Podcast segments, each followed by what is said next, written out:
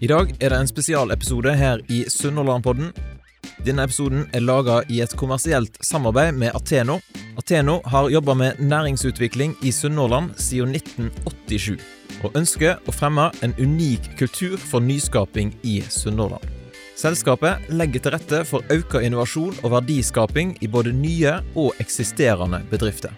Ateno arrangerer òg ei rekke kurs, konferanser og samlinger for næringslivet i Sunnhordland. Du finner de på Vabakken og på ulike digitale flater. I dagens episode skal du få bli bedre kjent med Helge Jøsæter, administrerende direktør i Lærvik AS.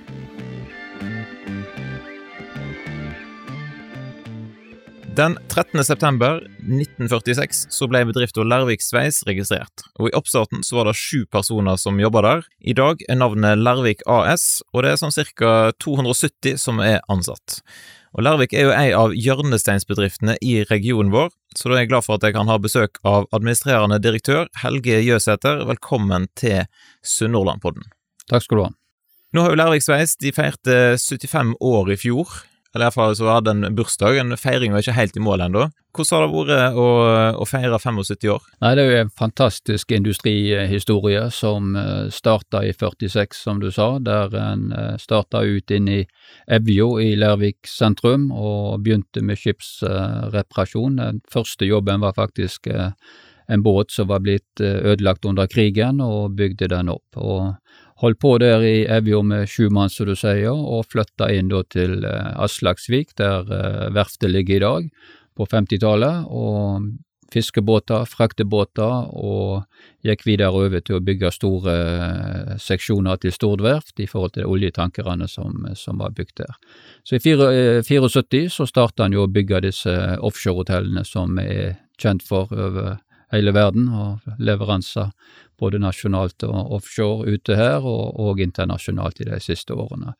Så på denne tida så har vi jo levert over 30 store offshorehotell, og et skifte fra stål til aluminium i 1988 med, med Snorre A, som var det første hotellet som var bygd i aluminium, som fortsatt er i drift ute offshore. Så vi har hatt en flott reise med å bruke aluminium som byggemateriale, og har gjennom disse 30 årene på å bruke aluminium fått en unik eh, kompetanse og produktutvikling av, av materialet aluminium som vi bruker til å sette sammen disse store hotellene.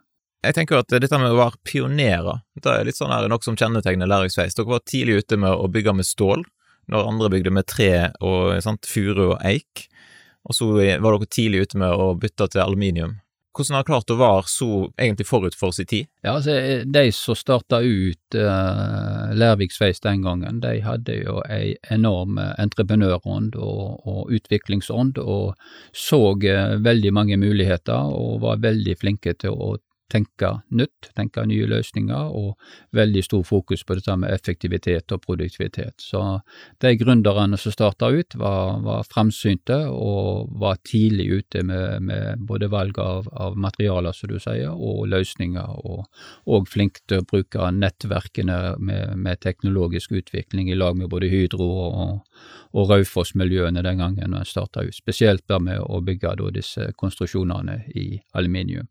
Så vi er jo blitt en verdensledende aktør og bygge store hotell i, i, aluminium, og per i dag så ser vi ingen konkurrenter i, i hele verden som bygger tilsvarende konstruksjoner i aluminium for, for offshoreindustrien. Hvorfor var det et så stort skifte på en måte fra stål til aluminium? Ja, altså Den gangen så kom Saga Petroleum og Snorra og sa at de, de, ville ha utvikling. De ønsket å bygge i nye materialer, nye teknologi bygge aluminium, så har du store vektbesparelser, du har et vedlikeholdsprodukt, og den gangen så, så var det jo et veldig skifte for Lervik å gå fra stål til aluminium, og etter første henvendelsen så, så takka ledelsen nei, de, de sier vi kan stål og vi vil fortsette med det, og det gikk vel en måneds tid, så kom Saga Petroleum tilbake igjen og sa at hvis ikke dere er med oss, så vil vi finne noen andre, og da takket de ja, og starta ei fantastisk reise å bruke aluminium som eh, materiale. da. En annen ting som jeg eh, tenker kjennetegner Lærvik, når jeg har lest litt om historien her, det må jo være omstillingsdyktighet eller vilje. For, for dere har jobba med ganske mange forskjellige ting opp igjennom? Ja, det er de, de senere årene fra, fra altså når en begynte å bygge disse i, i aluminium, så, så har en vært veldig tro produktet å bygge disse store hotellene. Og så det er klart, sånn så begynner jo Nordsjøen her, og en begynner å, å nå gå inn mot det grønne skiftet og se mulighetene der. Så i 2019 så la vi oss en hovedstrategi på, på nye områder. Og det har for oss da blitt en utvikling innenfor akvakultur, med store konstruksjoner i aluminium på land, med et eget utvikla konsept.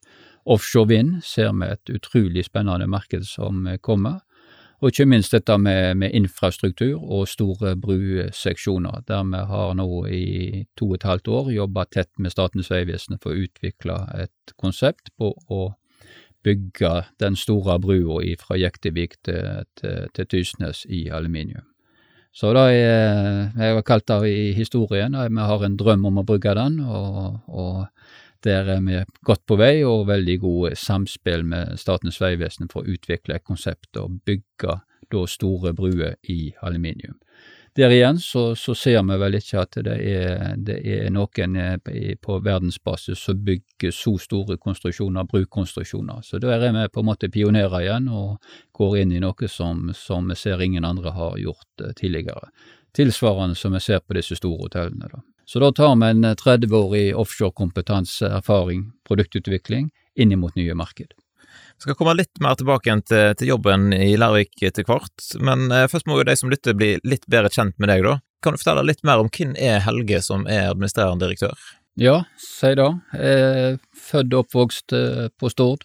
Tre voksne eh, barn som flytta ut, og har hatt ei spennende reise jobbmessig. Starta ut som som læregutt i Sunne Elektro i Savåg her i, i 82, og har hatt fantastisk mange spennende oppgaver opp gjennom tida fram til, til der vi er i dag. Og litt sånn på fritid og sånt, så liker jeg veldig godt å være vest på Bømlo og fiske, og litt på fjellet og gå på ski, og ellers reise og være på, på de aktivitetene som er rundt omkring. Ble du tidlig interessert i på en måte business og, og bedriftsutvikling? Ja, altså, eh, jeg tror jeg var vel 25 eh, år og ganske nyutdanna med ingeniørutdanning, der jeg måtte ta et valg om en skulle jobbe den tekniske veien eller den, den administrative, da. Så, så, jeg var vel tidlig ute med, med lederoppgave i prosjekt, og jobba jo i prosjekt i mange år, før vi da i 2002 ble utfordra av Aker å ta en management buyout av den egentlig gamle Sunna Elektro-enheten, og tok noen runder att og fram, og vi, kjøpte ut av selskapet da i 2003. og og begynte på en måte å drive selskap, da. Så det var jo en utrolig spennende reise å utvikle det selskapet der i, i, fem år, før vi da solgte det til, til Apply og, og Hightech Vision og, og Køhler-familien i, i, Stavanger.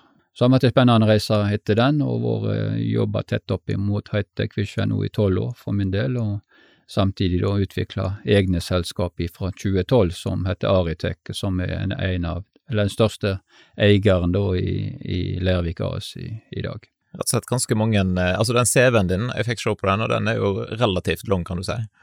Ja da, det har vært mange spennende prosjekter opp gjennom tidene, da. og ikke minst dette med å kunne, kunne utvikle selskap og starte opp selskap og utvikle videre og, og skape arbeidsplasser. og så Det er utrolig gøy å sette sammen eh, forskjellige forretningsideer, ressurssette, organisere og få medarbeidere med og få ei god teamånd til å løse oppgavene. Da. Så det er jo utrolig inspirerende. Jeg hørte en historie om at du var tidlig ute og kjørte taxi på nyttårsaften, for at det da var en så god business-deal? Ja, altså jeg var, var i de første ti årene når jeg jobbet i Sunna Elektro, så, så, hadde jeg ikke én arbeidsdag her på Stord. Jeg var ute og reiste på prosjekter rundt omkring, og tok skole i Haugesund. Og på, på under skole da, så, så kjørte taxi på fritid og på, i helger.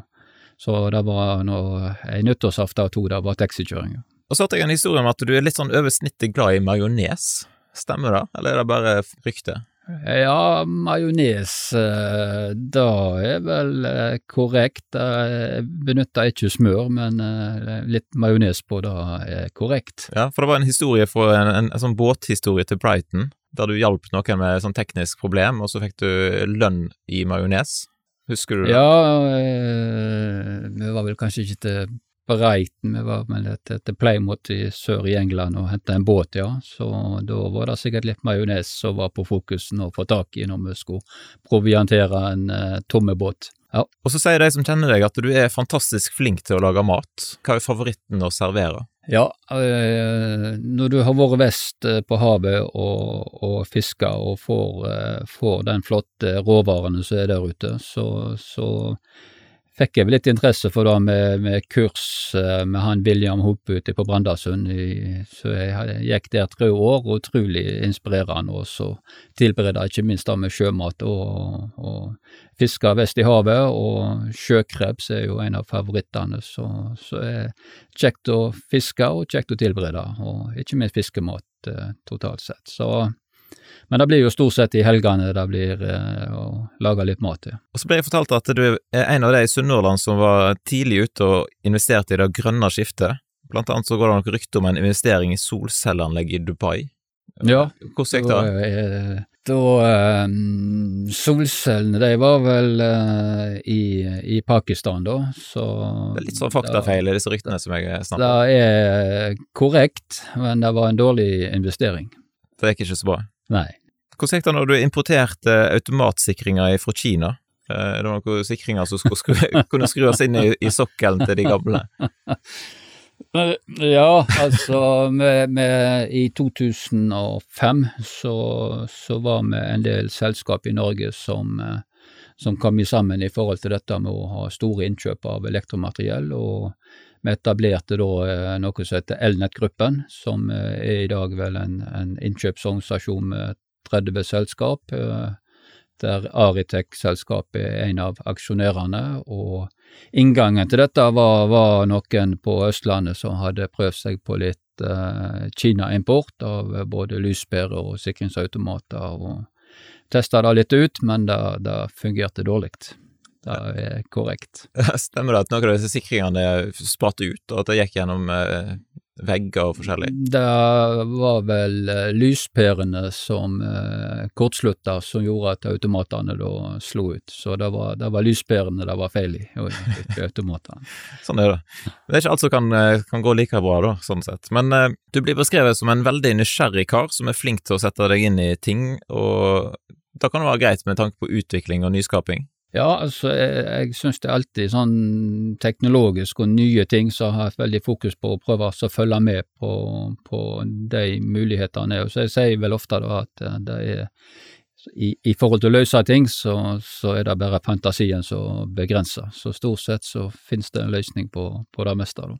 Hvis vi snakker litt om jobb og utdanning da igjen. Det var nå i 2017 du gikk inn i rolla som administrerende direktør for Lærvik eh, AS. Hvordan opplevde du da å gå inn i den stillingen? Ja, da, mm, i og med at vi, vi solgte det første Sato-selskapet til Apply, så, så, ble vi investert med en del i eh, det Apply-konsernet som jeg var leder for i tre år i Stavanger med, med 1000 ansatte. Og gjennom en fusjon i 2010 så ble vi indirekte eiere av en mindre post da, i, i Lærvik. eh, Apply Lærvik den gangen der, da. Så jeg satt eh, Jeg jobba med engineering, eh, innlegg til Lærvik i, i, tre år, satt i ledergruppa, og når jeg gikk ut der, så fortsatte jeg i, i styret da. Og da fikk jeg eh, spørsmål i, gjennom styret der om å gå inn i Lærvik på, på ett år, og, og, egentlig hovedfokus på å gjennomføre Johan Sverdrup. Så jeg kom jo inn i en organisasjon som jeg hadde vært og jobba i eh, tre år tidligere, og, og og har jo vært eh, jobba på, på, Lærvik mange år tidligere som, som, leverandør til Lærvik. Så sånn sett så kom jeg inn i en, en kjent organisasjon og fantastisk eh, dyktige medarbeidere på alle plan, og utrolig inspirerende å, å jobbe og utvikle Lærvik gjennom disse årene. Hva vil du si på en måte kjennetegner din lederfilosofi? Har du noen sånn punkt for deg sjøl? Jeg er veldig opptatt av at uh, folk skal få, få selvstendig ansvar og ta sine egne beslutninger. Sette i, i sammen gode team. Ha det høyt under taket og ta de gode, gode diskusjonene. Og så er det ikke minst at en skal ha interessante oppgaver, og det skal være gøy å gå, på, gå på jobb. Ja, så har jeg hørt at du er veldig flink til å arrangere turer og fester for ansatte. Stemmer det? Nei, ja, det har ikke noe med meg å gjøre. Det har er en kultur på selskapet Lærvik der de er utrolig flinke å, å ha tiltak for å, å lage, lage, godt arbeidsmiljø, som Lærvik er veldig kjent for. Så det er faste rebusløp, og det er oktoberfester. Og, så det er en tradisjon som har vært der i, i mange, mange år, som, eh, bare, har videreført i, i som det har vært tidligere. Ja. Hva vil du si er det mest utfordrende da, med å være leder for en sånn type hjørnesteinsbedrift? Ja, utfordrende er jo definitivt at vi er en prosjektbedrift, og vi har høye topper, og vi har eh, lave bunner, og det er på en måte å, å, å finne den, den, rette bemanningen gjennom dette her. Så vi har jo vært nå gjennom de eh, 70, 70 i 2019 så hadde vi jo en nedbemanning fra 320 ansatte til 250, og det er klart eh, en del av det er generasjonsskifte, men samtidig når du har sånne prosesser, så, så er jo det en, en, utfordrende sak. Det er mye mer eh, interessant og givende å være i en, en opptur og, og, få inn nye medarbeidere, nye prosjekter. så det er klart, eh, det er det der med å, å kunne ha jobb til, til alle mann hele veien. Vi, vi, bor på Stord, og, og alle må, må, være i jobb, skal en, skal en kunne ha både hjem og, og, familie og alle de tingene. Hva er det mest givende for deg da, sånn personlig, eller kjekkeste du gjør på jobb? Det det kjekkeste er jo å se at uh, alle medarbeiderne på en måte, de oppgavene de løser, og den flotte måten ting blir uh, løst på, og at vi klarer å levere disse prosjektene som er både i henhold til, til budsjettkvalitet og, og, og, økonomi. Da. Så um, det med å kunne starte ut med et prosjekt og med en, signere en bunke med papir og levere et ferdig produkt der kokken står og lager, lager lunsj til deg. Det er utrolig givende å se hele byggeprosessen frem til du leverer, og fornøyde kunder og, og ansatte. Så det er den der den drivende prosessen å utvikle og være en prosjektbedrift. Ja. Kan du fortelle litt om hvordan ei vanlig arbeidsveke ser ut? Vi har jo prøvd å avta dette intervjuet her et par ganger, og så har ting eh, forandra seg. Så det, det, virker jo som om eh, ting skjer. Ja, så mm, som jeg sa innledningsvis, så har jeg jobba tett med Hightech Vision i tolv år, og i, i fjor eh, høst så, så, fikk vi jo spørsmål, da, eller det var vel på denne tid i fjor, om å kjøpe ut selskapet fra Hightech Vision og i en såkalt management buyout. og det gjorde vi eh, tre dager før eh, bedriften var 75 år. og Så vi kjøpte ut eh, Lærvik med, i det som heter en, en management buyout, med, med Aritek som største hovedaksjonør i lag med, med ledergruppa. Og vi har òg en plan at 10% av aksjene skal tilbys til alle ansatte. I tillegg så overtok vi òg et selskap i Göteborg som heter M-Tunga, med rundt 40 ansatte. Så vi har um, hatt det ekstremt travelt for å sette opp alle tingene rundt å kjøpe ut et sånt selskap, og ikke minst så, så har det vært travelt på, på, på, tilbudsfronten og prosjektfronten. Så um, dagene starter tidlig og slutter seint, så det er mange ting som skjer gjennom ei uke. Så. Du har ikke en sånn faste rutine hver dag? Ja, jeg liker å sette på kaffen eh, tidlig på morgenen og, være klar og få god arbeidsøkt før møtene begynner. Da. Så, ja. Ja. Dette med denne management eh, buyout, eh, sant, der ledelsen sjøl kjøper selskapet, fortell litt om hvorfor var det viktig for Lærvik? Altså, jeg, nå har vi Lærvik vært under siden 2008, vært gjennom det som jeg kaller et finansielt eierskap. Nå, nå tar vi eierskapet hjem lokalt. og gjennom Aritek og, og Lærvik så, så, var vi jo forrige uke 550 mann i jobb, så det med å få et industrielt og langsiktig perspektiv på dette ser vi så utrolig, utrolig spennende. Noe annet som skjedde i 2021, det var at dere fikk Næringsprisen. Eh, hvordan opplevde ja. du det? Ja, da var jo eh, Den satt jo fantastisk eh, høyt. Jeg var vel litt overraska på at vi ble, ble nominert, men eh, vi kjøper ut selskapet i september og blir nominert til Næringsprisen og vinner den, så det er jo en fantastisk honnør til alle ansatte som har gjort en utrolig jobb i, i, gjennom mange år. og levert prosjekt etter prosjekt etter, etter det som er forutsatt. Så den satt veldig høyt, og veldig stolt for å få den. Og Når du ser framover, du nevnte dette grønne skiftet og at dere er på vei inn i litt ulike nye marked. Hva er det som blir på en måte hovedsatsinga framover? Nei, Vi har eh, tre hovedstrategier uh, som går inn forbi akvakultur, der vi nå har utvikla et eget produkt i to år og har plan om å få, få, et pilotprosjekt i løpet av året i lag med Bremnes Seashore. Så utrolig spennende å gå inn i et helt nytt uh, marked. Vi har offshore vind, og vi har òg dette med infrastruktur og bygge store konstruksjoner. Brukonstruksjoner. Og så har vi det eksisterende merket vårt. Nå, nå kommer det i forhold til oljeskatteforliket, så, så har vi tre, fire store boligkvarter som eh, nå er i posisjon til å, å komme i mål med å få bygge. og Går de i mål, så vil det være aktivitet for Lærvik frem til 2026. Så det er en ganske lang horisont innenfor vår, eh, vår bransje. Da. Ja, sant.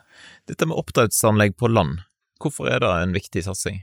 Ja, litt av bakgrunnen eh, er jo at vi, vi, vi, i 2019 så ble vi sterkt utfordra av Hightech Vision. Hva, hva, kan vi bruke denne unike aluminiumssuppekompetansen etter 30 år? Og vi gikk inn i dette at vi, vi ønsker å bygge store aluminiumskonstruksjoner. Så nå har vi utvikla et, eh, et, stort aluminiumstank med teknologi, patenterte løsninger, som, eh, som har størrelse som er, er, over 30 meter i diameter, 6 meter høyt, og vil bli produsert ferdig på verftet hos oss og flytta ut eh, til der kundene er. Sånn at vi vil redusere både byggetid strømforbruk, og er en, eh, en, ny teknologi i forhold til dette med å ha oppdrett av laks på land. Ja, og Fordelen med det er at du, det blir mindre forurensning, for eksempel, eller? Ja, når du har resirkulert anlegg på land, så, så er det lukka system, så, så da i seg sjøl så er det ikke forurensning. Men eh, det er både på energiforbruk og, og fjerning av CO2 i vannbehandlingsprosessen, og en del patenter som ligger inne i dette. Da. Så utrolig eh, inspirerende å utvikle et produkt helt fra starten av til vi nå i lag med Bremnes Seashore skal bygge den første eh, piloten i lag med dem, og plassere det ute på Skålavik på, på Bømlo, er planen. Og så er dere inne i en viktig rekrutteringsprosess. Du sa at det er kjekkere å ansette folk enn å, enn å la folk gå. Eh, fortell litt om hvordan går denne her eh, rekrutteringsprosessen? Ja, vi, vi tok vel uh, seint på, på, året i fjor og så med de prosjektene vi ser komme, så har vi identifisert at vi trenger 200 nye ansatte i Lærvik AS og, og 200 i, i Aritec-selskapet. Så for Lærvik så har vi gått ut i år og sagt vi trenger 100 nye eksperter i år, og av de 100 stillingene så er det vel et par og 60 aktuelle kandidater til de 100, så det har vært bra tilfang på det. Vi har av eh, På lærlinger så har vi signert åtte nye lærlinger, så er et høyt tall for oss på et år, og veldig fornøyd på det. Så det er vel nå nærmere enn 50 nye ansatte som er på vei inn i selskapet. Så mm, vært veldig positivt på hvor god kompetanse som har vært tilgjengelig i denne fasen. Så det har vært en, en eh, god, og vi skal ytterligere ha, ha flere ansatte. Og vi hadde for en 10-15 år tilbake så, så ansatte vi vel 15 eh, sveisere og platearbeidere fra Malaysia og Indonesia, bosatt her på, på Stord.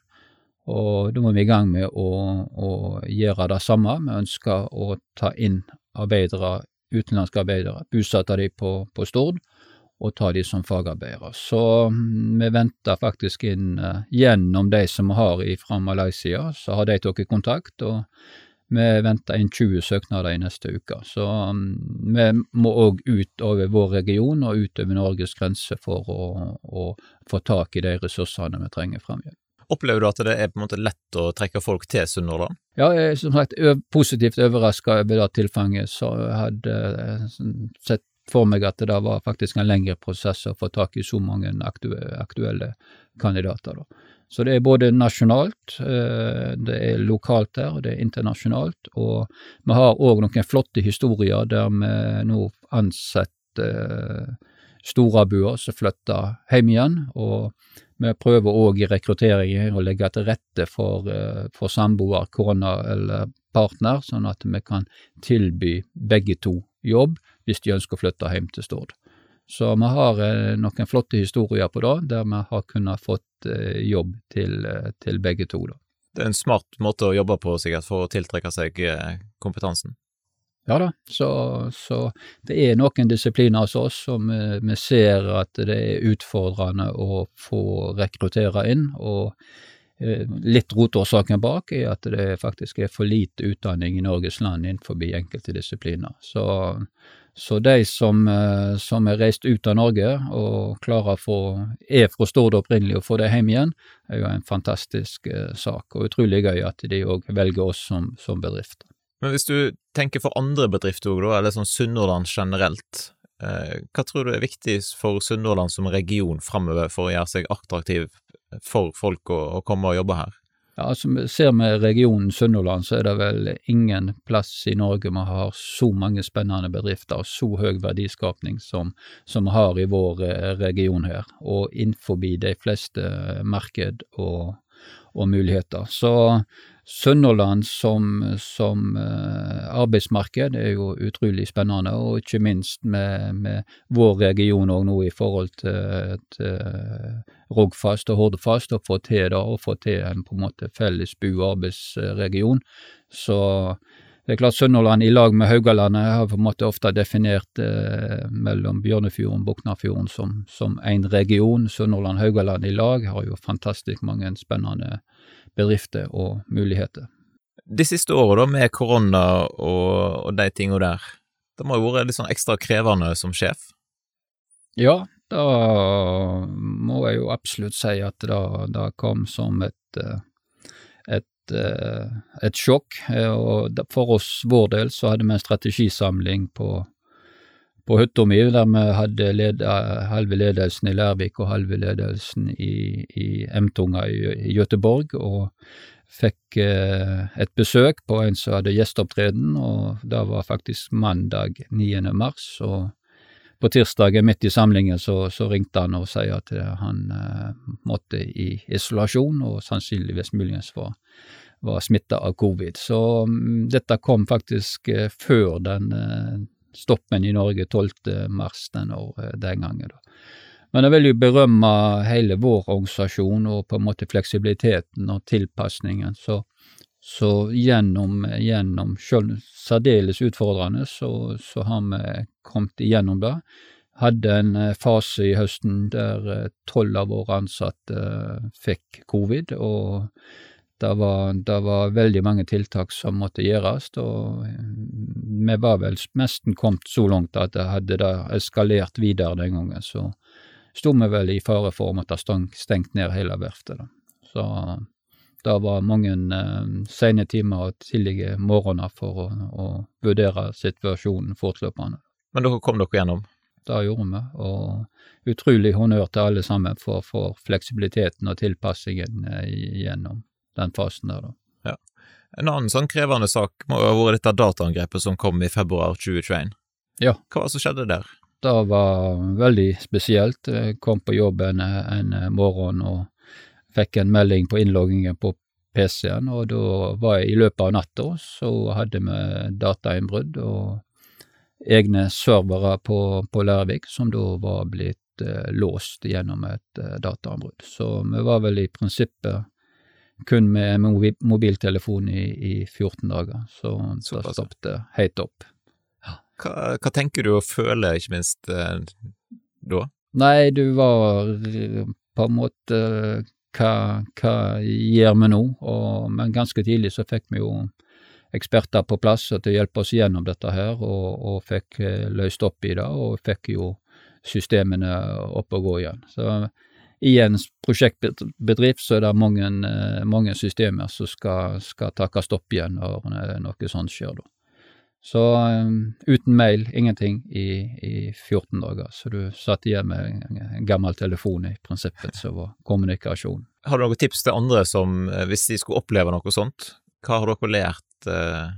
Nei, det vi har vel lært, er jo å ta dette med datasikkerhet på alvor. Eh, det er klart da Vi har jo hatt Økokrim alle på banen for å, å finne ut hvor dette kom ifra, men eh, det er vel stor sannsynlig for at det, det, var, et, eh, det var aktører i utlandet som satt og gjorde dette her. Så vi er veldig fokus nå på dette med, med med datasikkerhet, innlogging, og har flytta nå serverne til Green Mountain i Stavanger og gjort alle de tiltakene. Men sånn personlig så er det jo spesielt dette her med passord og disse tingene, og et godt tips er jo faktisk å bruke æ, ø, å på tastaturet ditt i, i passordene, da. For de som sitter ute og går inn, de har ikke æ, ø, å i tastaturet, så, så tenk, eh, tenk, passord, og ikke, ikke blande privat og jobbpassord og den type ting. Så datasikkerheten den, eh, den, eh, må en ta på alvor, og gjennom krigen og det som skjer nå, så er det jo ekstra fokus på, på, på disse tingene.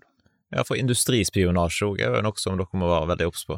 Ja, da eh, har vi fortløpende vurdert. Eh, vårt eh, produkt per i dag er ikke patenterte løsninger, så produktene i seg sjøl og den type ting, så, så, er det mer kompetansen til de ansatte og utviklingen, så, så vi har vel ikke opplevd hittil at vi er blitt kopiert på noen måte, på noe slags vis. da. En annen ting som dere har jobba masse med i det siste, er det som har med robotisering å gjøre.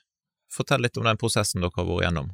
Ja, da, vi, vi starta faktisk ut uh, der vi har vært i, i lag med NC Maritime Cleantech på, på et eh, prosjekt som går på verdens første hurtiggående eh, elektriske hurtigbåt som heter TRAM-prosjektet, der vi fikk eh, en del millioner gjennom EU til å utvikle modularisert produksjon og ny produksjonsteknologi.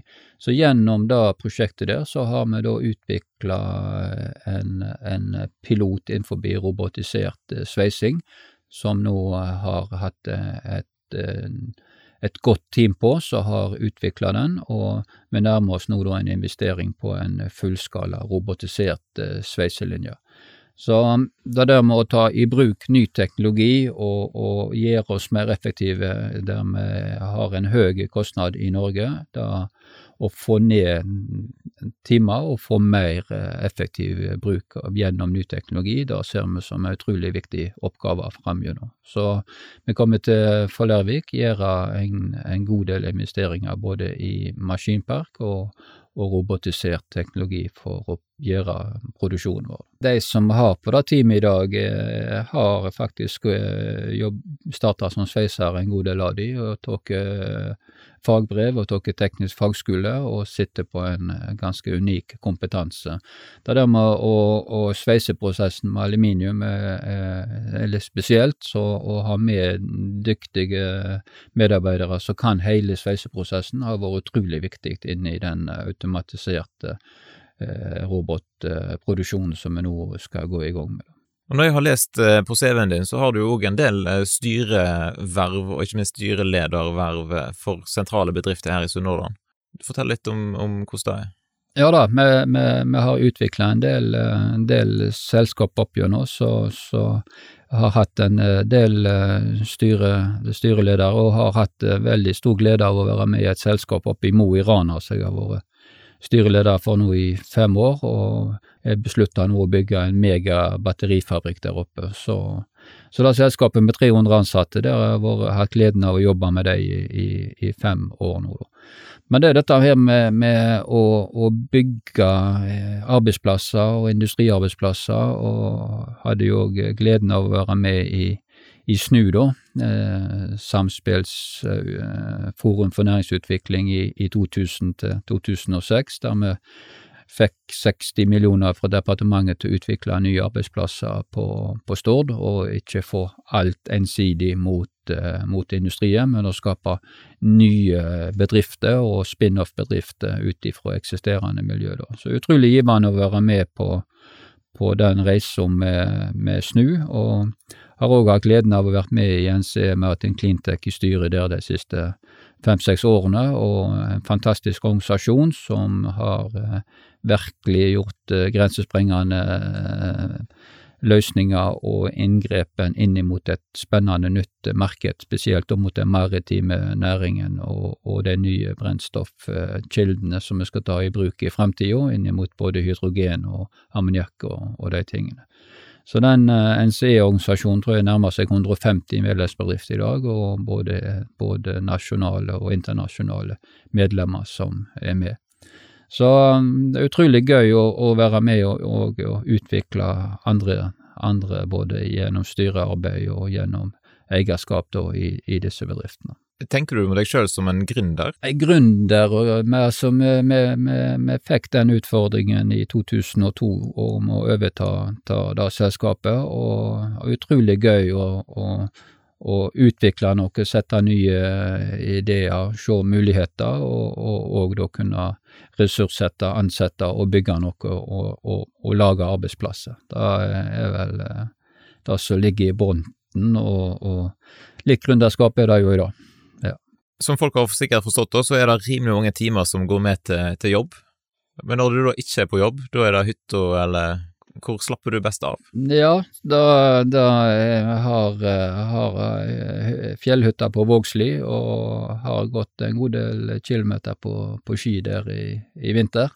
Så det er jo en fantastisk avkobling å komme opp i høgfjellet og ikke minst eh, gå opp i skiløpene på, på 1100-1200 meter og høgfjellet og Hardangervidda og en fin, fin ankobling. Og ifra mai og utover nå så er det jo utrolig å komme ut på havet, vest av vestbevær og ut og, og prøve fiskelykken. Og, ja.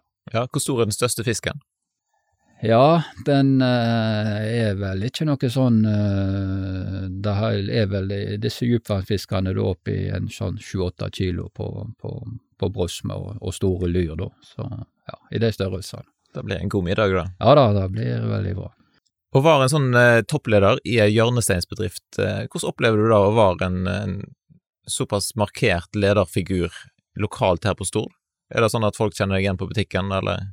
Ja da, det, det, det er klart eh, gjennom disse årene så, så eh, Jeg var jo i Stavanger i, i tre år og, og leder for Apply der med 1000 ansatte. og og det er klart at uh, det er en del så, helse, og du på en måte du, du, klarer ikke å kjenne alle, da, men uh, sånn som for, for Lærvik, og så, så, har du i hvert fall uh, en passe størrelse at du, du, du, kjenner de ansatte. Men det er klart det er utrolig inspirerende å, å jobbe opp imot ikke minst det gode samarbeidet vi har hatt med Aker Solution gjennom alle disse årene. er jo et veldig godt eh, samarbeid mellom disse to hjørnesteinsbedriftene. da. For de som har lyst til å vite mer om eh, Lærvik, er det inn på nettsida lærvik.com?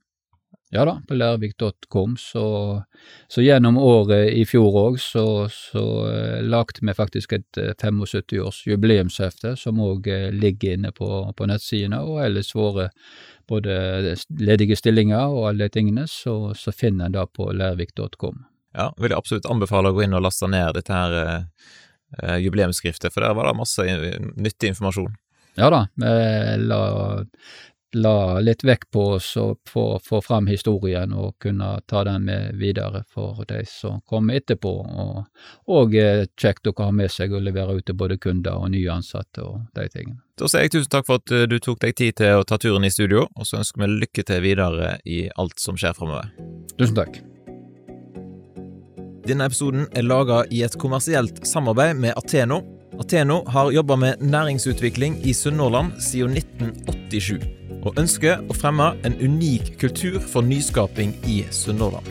Selskapet legger til rette for økt innovasjon og verdiskaping i både nye og eksisterende bedrifter. Ateno De arrangerer òg ei rekke kurs, konferanser og samlinger for næringslivet i Sunnhordland. Du finner de på Vabakken og på ulike digitale flater.